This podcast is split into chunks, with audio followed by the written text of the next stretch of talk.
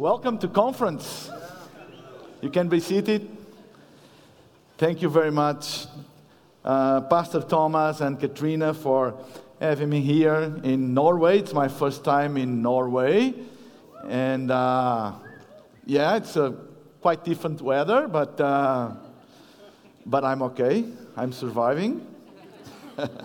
and uh, of course, it's a great honor to be here and to be invited to speak to such a conference as this one, and also to be in the presence of so many friends. It's good to be with the Olsons again after three or four years, and also with my good friend Jostein.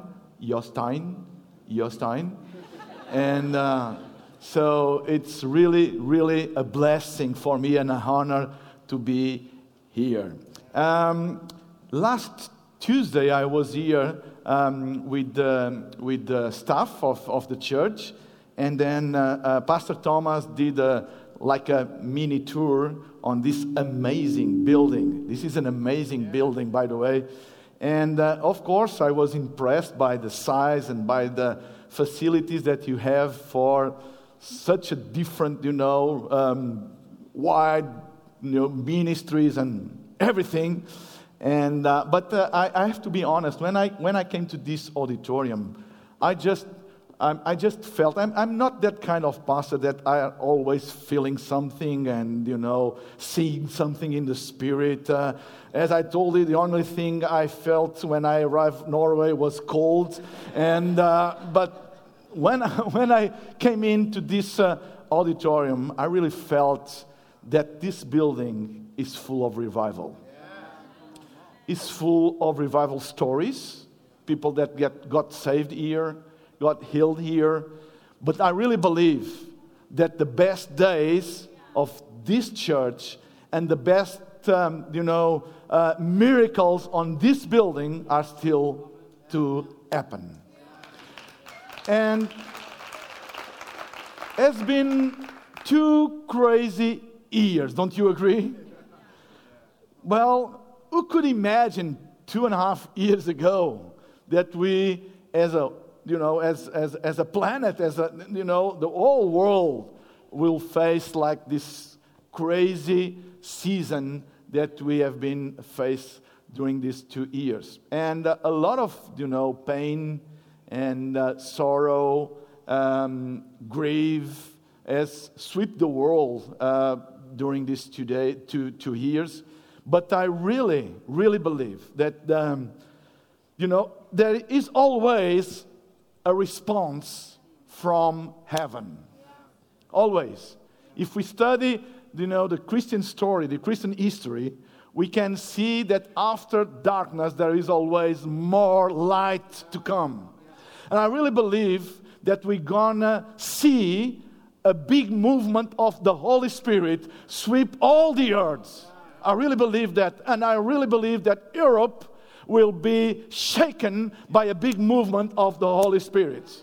We can see already some sparks uh, uh, here and there happening and things happening during these days. And I really believe this conference will spark something in your heart, spark something in your life, spark something in your ministry that will change your life forever.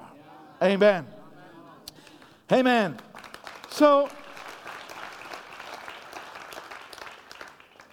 I want to talk from the subject benefits of an enemy. I know that these two words are not like, you know, two words that we think that fit very well uh, benefits and enemies or opponents. So, but I want to take you to a journey when we can see that there is a lot of benefits of having an enemy, an adversary, or an opponent. In the Garden of Eden, in a perfect environment, before sin existed, before the fall of man, was already an adversary the garden of, in the garden of, of, of Eden was already there an adversary. Why? Why in the book of Genesis, in the beginning of everything, an adversary was present in the Easter of mankind. Why? I really believe that an enemy or an opponent or an adversary is something vital to our success. It's very important for our growth to have an adversary. You know, I really believe that enemies are gateways to promotion. Enemies, they don't come to destroy us, they come to promote us. We need to change our mindset regarding um, adversity, regarding facing problems and obstacles and mountains. We have to change as Christians our mindset. Those things, they don't come to destroy us. Those things come to promote us. So we, we have to face, you know, adversity, problems, you know, mountains with this mindset. Looking to them and see that they are strategic to our promotion, to our growth. When we run away from adversity, we are run away, running away from our destiny. We are running away from our purpose. I really believe that the size of our enemies are proportional with the size of our destiny. The Bible says in Genesis chapter 3, and I want to read this uh, passage to you, and in chapter 3, verse 1, I'm going to read in the message version. And he said this The serpent was clever, more clever than any wild animal. So the Bible is very clear that the serpent was on the top when it comes to, you know, being clever. He spoke to the woman Do I understand that God told you not to eat from any tree in the garden? You know, God created man according to his image. Man, or man's creation, was like the pinnacle, the top of God's creation. God created man completely different than God created all the other things. Because God created man on his image. And the Bible says that God breathed his own life in man. So, man was not the regular, let's say, creation. So, man was like something special on everything that God had created. So, why the enemy didn't choose a chicken or a monkey? Because there is a proportion, a link between your purpose and God has given to man authority all over all creation. That's the purpose of man. When God created man, He created man to have authority over all creation. So when the enemy chose an opponent, he went to the cleverest. Not, you know, a stupid chicken or a funny monkey. He chose the serpent. And, you know, the book of Genesis is the book of the principles. If you want to know the principles of, the, of, of, God, of God's nature, we go to the Genesis. They are all there. And we can learn a lot from understanding what the book of Genesis are communicate to us. And here in the, in, in, in, in the book of Genesis, there is a principle that we can bring out from this passage. There is always a link between the size of your enemy, the size of your opponent, the size of the problem you are facing right now, the size of the challenge that you are facing right now, is not proportional to your size, it's proportional to the size of your destiny. That's why sometimes we we come to God and we complain about the size of the things we are facing and say, This is not fair. The thing that I'm facing is much bigger than me, than my strength, than my resources, than my knowledge. So we compare with us. And when we compare our enemies with us, we are missing the point. And we start thinking that God is unfair, that He doesn't care. How it is possible? God allowed such a thing come to my life. We are missing the point. What God is saying to us is, hello, this is a glimpse that something great is about to happen in your life. This is not come to destroy you, this come to promote you. So, the face or, or the size of what we face determines our rewards. Friends, and I'm surrounded by big friends those days, and it's so good to you know, to be with friends after, after two crazy, stupid pandemic years. I'm sick and tired of Zooms and FaceTimes and technology. I need to fast. And uh, I, I, came early to Norway. I, I arrived on, on Monday because I, I need to fast from technology. I need to fast from FaceTime and Zoom. I want to be with real people. So friends create comfort. We get conference, uh, sorry, we get comfort with friends. But enemies, they create destiny. Enemies, they create promotion. It's interesting the story of David and Goliath. Everybody knows the story of David and Goliath. Because when we talk about David, immediately we think about Goliath. Right? It's the first thing. Who knows the story of David and Goliath? So it's, it's, it's, it's linked. It's interesting that is not Samuel the prophet that is linked with David and, and Samuel anointing David as king. But when we talk about the story, we don't say this is the story of David and the prophet. We say this is the story of David and Goliath.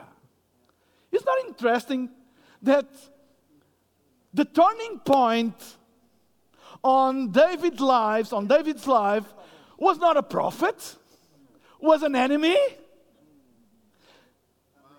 It's not interesting. The, Bible uh, in First Samuel chapter 17, we, we have the story of, of David and, and, and Goliath, and we can read, we, we, not, we won't going to read for the sake of time, but uh, we, we, we can read about this, we can say this, this disproportional clash between David and Goliath. It, it, it, was completely, you know, unfair. The size of David and the size of Goliath. And it's not, it was not just the size, was the training, was the experience. Everything related with Goliath was completely disproportional to David.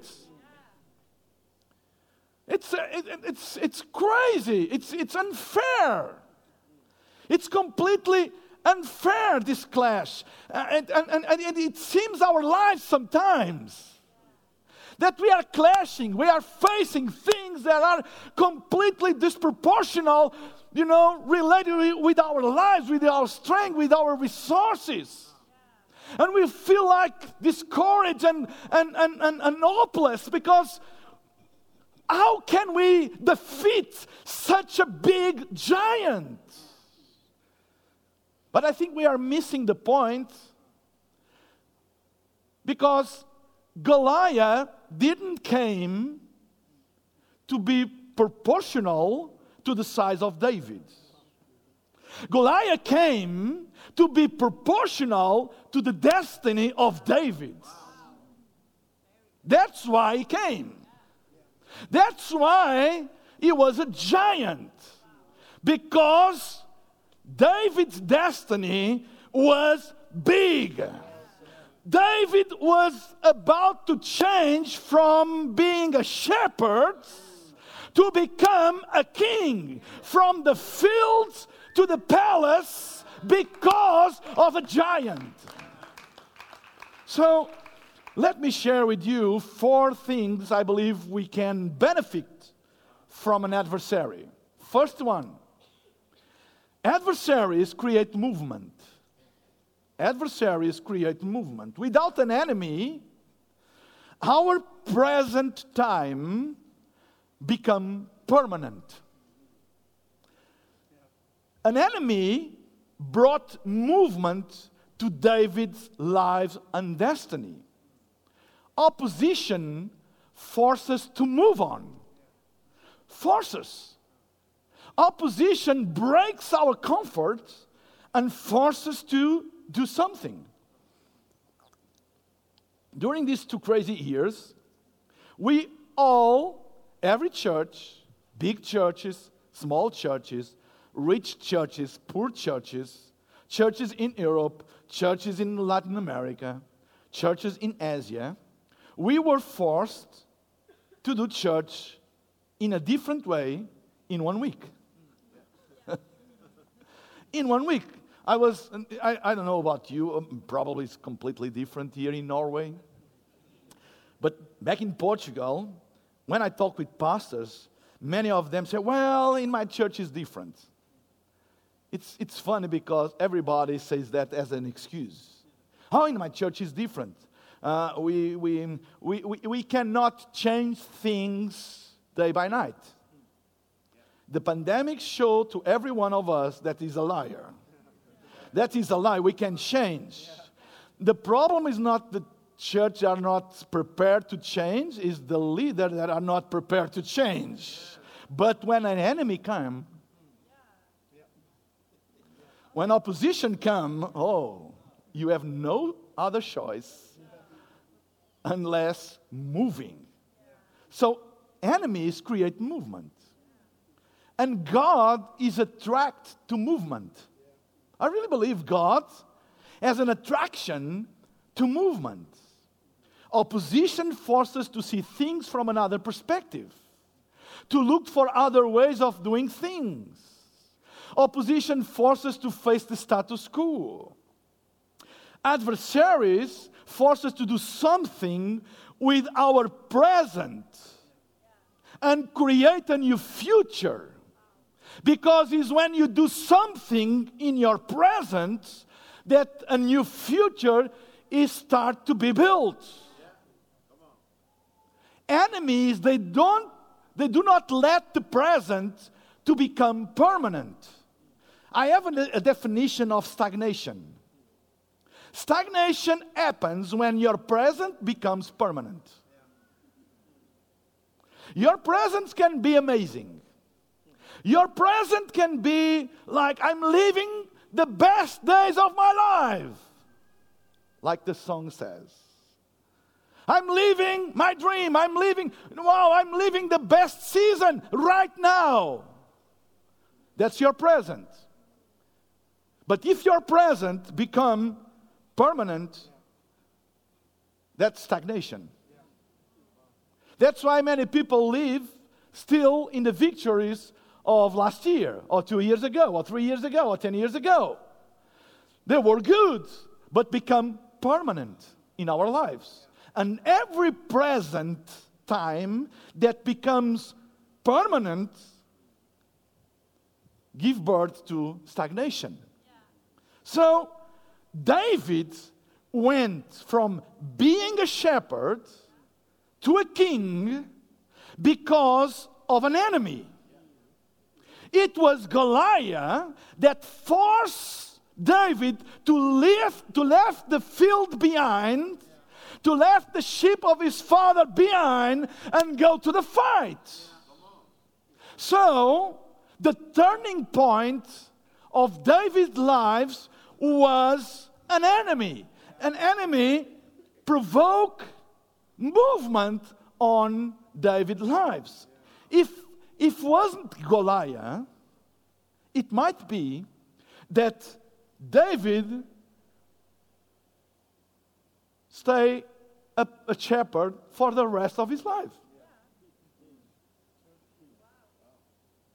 A good shepherd, a gentle shepherd, you know, um, Norwegian shepherd, a Portuguese good shepherd. But the present of the present life of David become the only life he would live unless he faced a giant. and it's so blow minding to me to see that he had, you know, David had divine encounters. He had like an encounter with Samuel was like a, a prophetic service in, the, in, in, in, his home. When, uh, when Samuel came to his father's house and asked for, you know, the children because God has told him that the future king of Israel will come out of his house, blah, blah, blah. You know the story. And, you know, uh, Uh, David's father present all the children before Samuel when, and then when stopped, he asked, there is no any other child? And he said, Well, there is one there in the field. You might be that one. You might be that one that nobody believes. You might be that one that everybody forgets about it. But when an enemy come, something happened. And he was anointed, you know, as king of Israel, but was not his turning point, was not you know, the, the, the, divine encounter with the prophet, was not the divine encounter with a friend, was not even an encounter with God, an epiphany. No! The turning point in David's life was an encounter with an enemy. So, why don't you raise up your hands and start praising God when you are facing opposition, when you are facing an enemy, when you are facing like a mountain? Why don't you raise up your hands and start praising and say, Something is about to happen in my future? This is the sign from heaven. It's not, it's not incredible to understand that enemies can be signs from heaven? That something is about to happen. Number two, Number two, adversaries boost our creativity. It's amazing that creativity is released by the challenge, by the enemies we face. So, David didn't have any special weapon to face Goliath. Nothing. Well, facing a giant, with about three meters tall, with full experience on, you know, combat and every, you know, combat technique.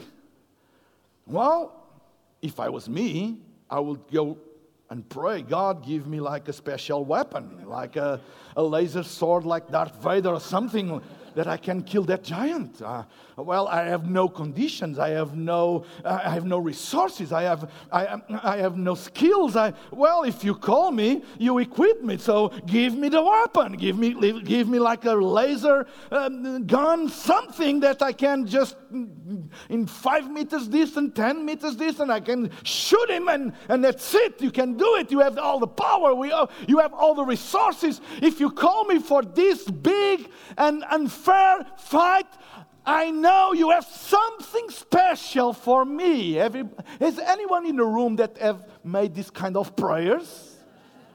God, if you, if you call me to be a pastor in that crazy Portuguese nation, you have to give me a special anointing. You have to give me special resource. You have to give me blah, blah, blah, blah, blah, blah. And the reality is that uh, David faced, in the end of the story, he faced Goliath with a sling and five stones. And it's interesting that every single pastor had a sling and stones available. Nothing special there. Everybody could use the same.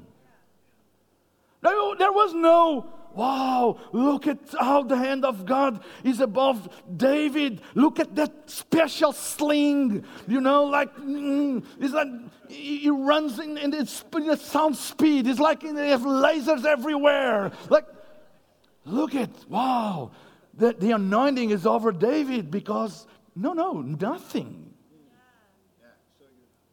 He went to face Goliath with the things everybody had. Hmm. I have a definition of innovation. Because enemies boost our creativity, and creativity brings innovation. Innovation is not having what no one else has.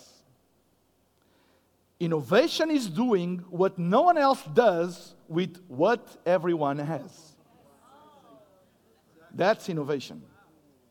Because sometimes we think, especially when we talk about leadership and church, say, if I have the things that Thomas had in his church, I will do the same. If I had all those lights and all those buildings, and you know, I was here and I was thinking, oh, if I have this building in my, you know, blah, blah, blah. you know, we think about things the thing special. Do, have you ever noticed how many of our prayers are prayers asking God things that we don't have? Do you know that prayer is probably the biggest display of our theology? And we pray, God, give me, if I have the people you have, if I have the money you have, if I have the resources you have. The problem is you don't have. you don't. But I really believe that we have everything we need to do what God has called us to do. Innovation is a way of thinking, is not having things. You don't need innovation to have things, you just need money. But innovation is using what you have to do what no one else does. Like, do you know, and you don't need that much. Like music. How many musics exist in the world? I don't know. Since the beginning? Like millions. Millions and millions and millions. It's not just in Eurovision, it's everywhere. So million, this is more Swedish, right? Yeah, yeah. So millions and millions and millions of music, compositions. And it's funny because there is just seven musical notes. We have to pray for God to give us some more notes. because we need to keep composing new, new, you know, new songs. Have you ever thought about this? Seven? What is, what is going on? Seven? And with seven, we can do millions of music. This is innovation. Yeah. Is the way we use what we have. Is not asking for what we don't have. Is the way we use and the way we look for the things we have. Hey, pastors and leaders, start looking for your people with other eyes. You have everything you need adversaries force us to be creative. So, when I look to a leader in my church, I always look for two things. First of all, is the capacity to build a team. Not the capacity to build the ministry, but the capacity to build the team that builds the ministry. Yeah. The second thing I look in, you know, I look in a leader is the capacity to do more with the things we have. I'm sick and tired of leaders knocking on my door asking for more. I know this is a Portuguese thing, but I'm sick and tired. Well, I need more. Oh, okay, this is the vision. I need more. I need more. I need the budget. Blah blah blah blah blah blah.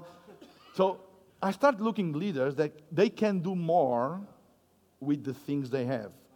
What we need, this is innovation. Innovation is doing more with the things we have. And enemies boost our creativity. David used the things he had. And he made it. He really made it. When Saul tried to give to him his own, you know, stuff, it didn't work. And I, I can imagine that uh, Saul's stuff was a little bit better than David's stuff for war. I can imagine that the armor that he has, the sword, it might not be like cutting edge material, war material, but will be, uh, it, it was for certain, it was much better than five stones and a sling. But when we are building under God's direction, we have everything we need. I learned that in my own life, in my own country, that I don't need the things I don't have. I need to use properly the things I have. And I need to look to my people, to look to my resources, to, do, to look to everything I have with other eyes. Because I believe that we can do much more with the things we have. Number three, are you okay? Are you on time? 10 minutes? This is like the Holy Spirit. Yeah.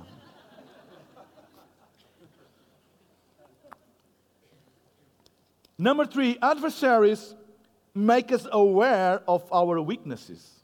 Hmm, that's true.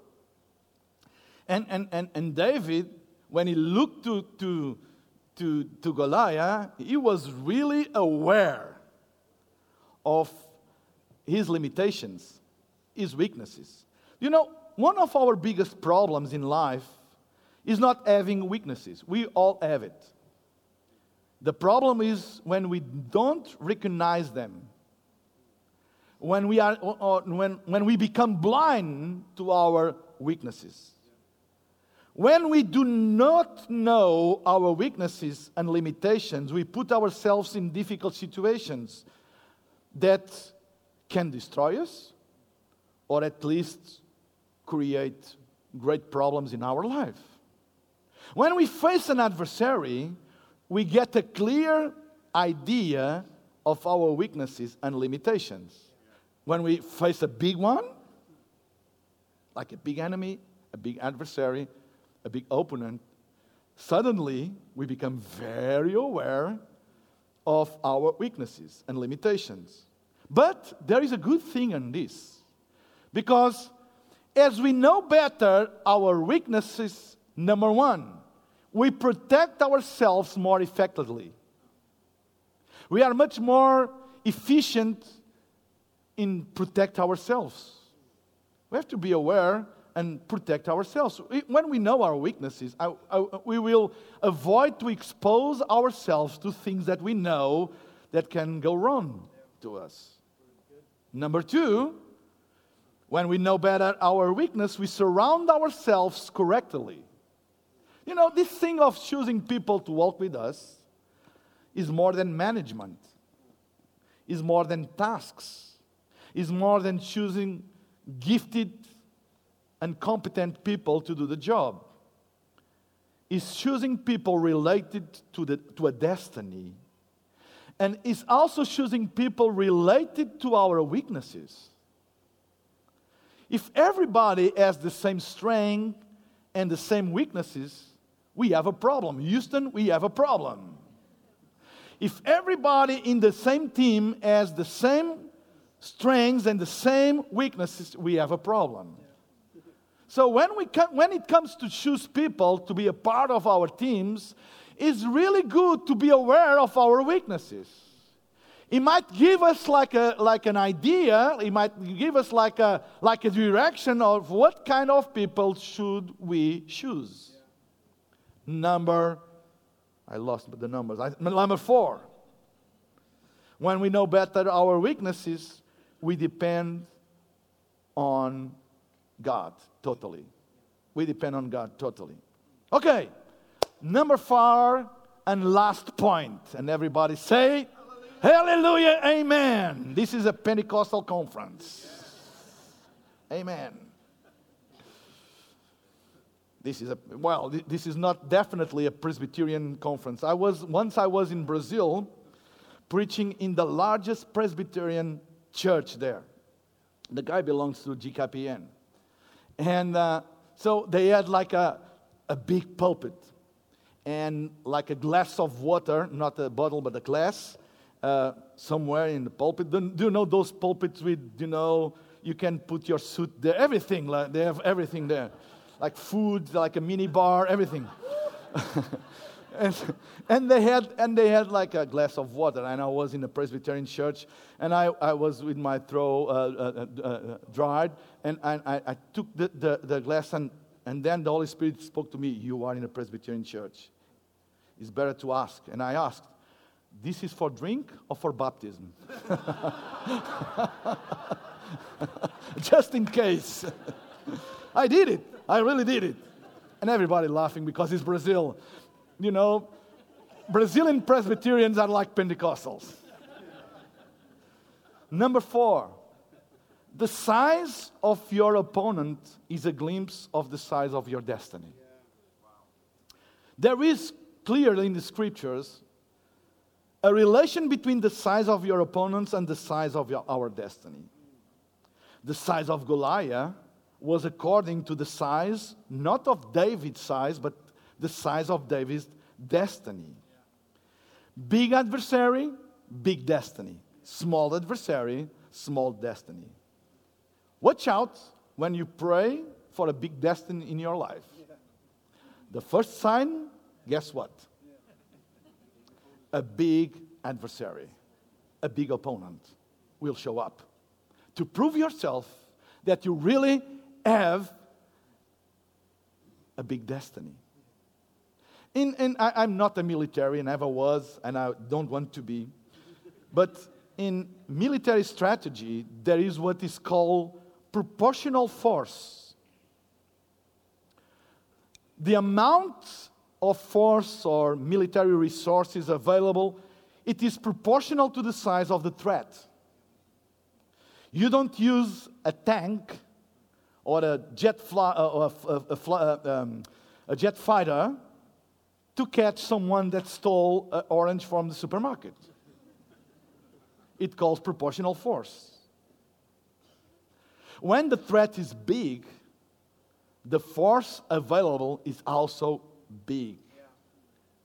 So, when you pray for a big destiny, when you, you, you, feel that you really have a big destiny for your life, you have to be prepared. You have to be prepared to face big enemies, not small enemies. Uh, uh, uh it's a joke when someone asks for a big, big, big destiny and complains about the enemies. What are you expecting? Did you expect that God gave you a big destiny and the enemy sent like a small police officer? He will send all the Air Force, all the Navy, all the infantry, all the cavalry. He will send everything he can to stop you. Because he knows that behind that mountain is something great waiting for you. And I, I, I, came, I, came, here, I came here tonight to tell you this is time to praise. When you face a giant, when you face a big mountain, when you face something that you think is too much to you, is not too much to you, is a sign from heaven saying, behind that mountain, there is a destiny waiting for you. Go forward. Don't run away. Don't turn your back. Go forward. There is something great behind that. Amen and the music can start playing. Not just the drummer. I need the complete full band. Are you ready? Let's sing together. Not me, of course, but all the congregation. If you run away, and if you are here tonight and you are running away, and you are complaining about the things you are facing, you are missing the point. God is using your enemies to prophesy to your destiny. They are, they don't know, of course, but they are giving you a glimpse, a vision, a sign from heaven that what God put in your heart is going to happen. They are the signs. Watch out when you ask a sign from heaven. He might come an enemy. Watch out. God, if you call me, give me a sign. You will send Goliath. If you, if you anoint me to be a king, send me a sign. He sent Goliath. So watch out. Watch out. And look to, with your spiritual eyes to your enemies. Don't compare yourself. Don't size yourself. Don't size your present with your enemies. Size your destiny. You know, enemies, they don't come for you to size you with them. Enemies come like a display of the size of your destiny. They are the size that God wants to show you about your destiny. It's not about you. It's not for you to be compared with, with, with, with the enemy. They are the message. They are the message from heaven saying, Hey, my child, look at the size of your future. Look at the size of the things I have prepared for you. This is the size. Are you getting this? Can you stand up? Can you stand and start praising God? I really, I really believe God is speaking to many people here to stop complaining, to stop. I, please understand me what I'm going to say in the context of what I preach it. To stop praying and start praising. I'm not saying that you have to stop praying. No. Stop praying about your enemies and start praising. That's why in the Old Testament, praise was the answer for war. Why? Because the size of the halls of Jericho was there were a glimpse of the size of the promise. So don't don't panic.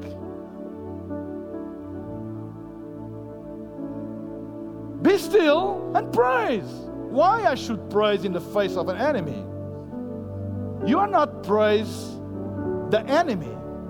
You are praise the answer, the sign, the vision, the prophetic picture of what your, your future is going to be and you can praise in advance. You can say, I'm not there yet. I don't know where I, when, when, I, when I will live in my dream, when I will live in this prophetic picture. I don't know. I know I'm not there yet. It might take it one year. It might take it one ten years. I don't know. But now I have a glimpse. Now I have a vision. This enemy came to show me that God didn't forget me. God has a plan for me. God has a purpose. A, uh, God has a destiny for me, for my church.